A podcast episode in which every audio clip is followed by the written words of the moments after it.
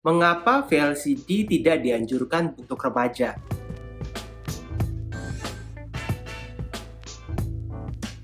VLCD atau Very Low Calorie Diet yang biasanya diberikan kepada orang yang mengalami obesitas dan obesitas morbid ini biasanya digunakan untuk menurunkan berat badan secara drastis dalam waktu yang relatif singkat.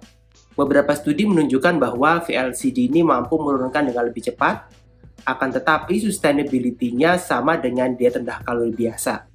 Artinya, ketika orang tersebut tidak bisa menjaga pola makan, ya berat badannya akan naik kembali. Mengapa VLCD tidak diperbolehkan pada remaja? Ada beberapa alasan. Alasan pertama adalah karena remaja dalam masa pertumbuhan sangat membutuhkan banyak protein, vitamin, dan mineral. Itu adalah komponen zat gizi yang kadang-kadang sulit dicapai ketika seseorang menjalani VLCD. Walhasil perkembangannya dapat terganggu karena konsumsi vitamin dan mineralnya bisa jadi berkurang. Selain itu, VLCD juga tidak terlalu mendidik. Bayangkan orang yang menjalani diet penurunan berat badan dengan VLCD, dia biasanya kemudian diberikan sebuah formula yang menggantikan waktu makan.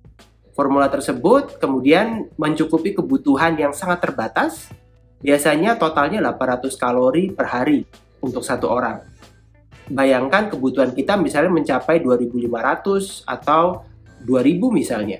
Tentu sangat rendah dan bisa memberikan penurunan berat badan dengan sangat cepat. Akan tetapi diet VLCD ini tidak memberikan pendidikan mengenai pola makan yang baik. Pada remaja, selain dia mungkin perlu mencapai berat badan ideal, mereka juga perlu belajar mengenai bahan makanan yang baik, cara makan yang baik. Dengan penggunaan VLCD, ini kita memberikan gratifikasi untuk makanan yang atau bahan makanan yang secara ekstrim menurunkan berat badan tanpa merubah perilaku.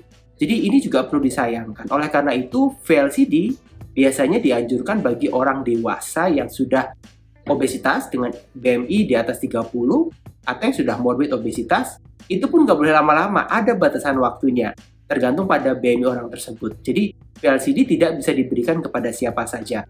Alasan kenapa tidak bisa diberikan kepada remaja atau tidak dianjurkan, adalah pertama, sekali lagi karena defisiensi atau kekurangan gizi yang bisa muncul akibat VLCD. Yang kedua adalah karena tidak mendidik.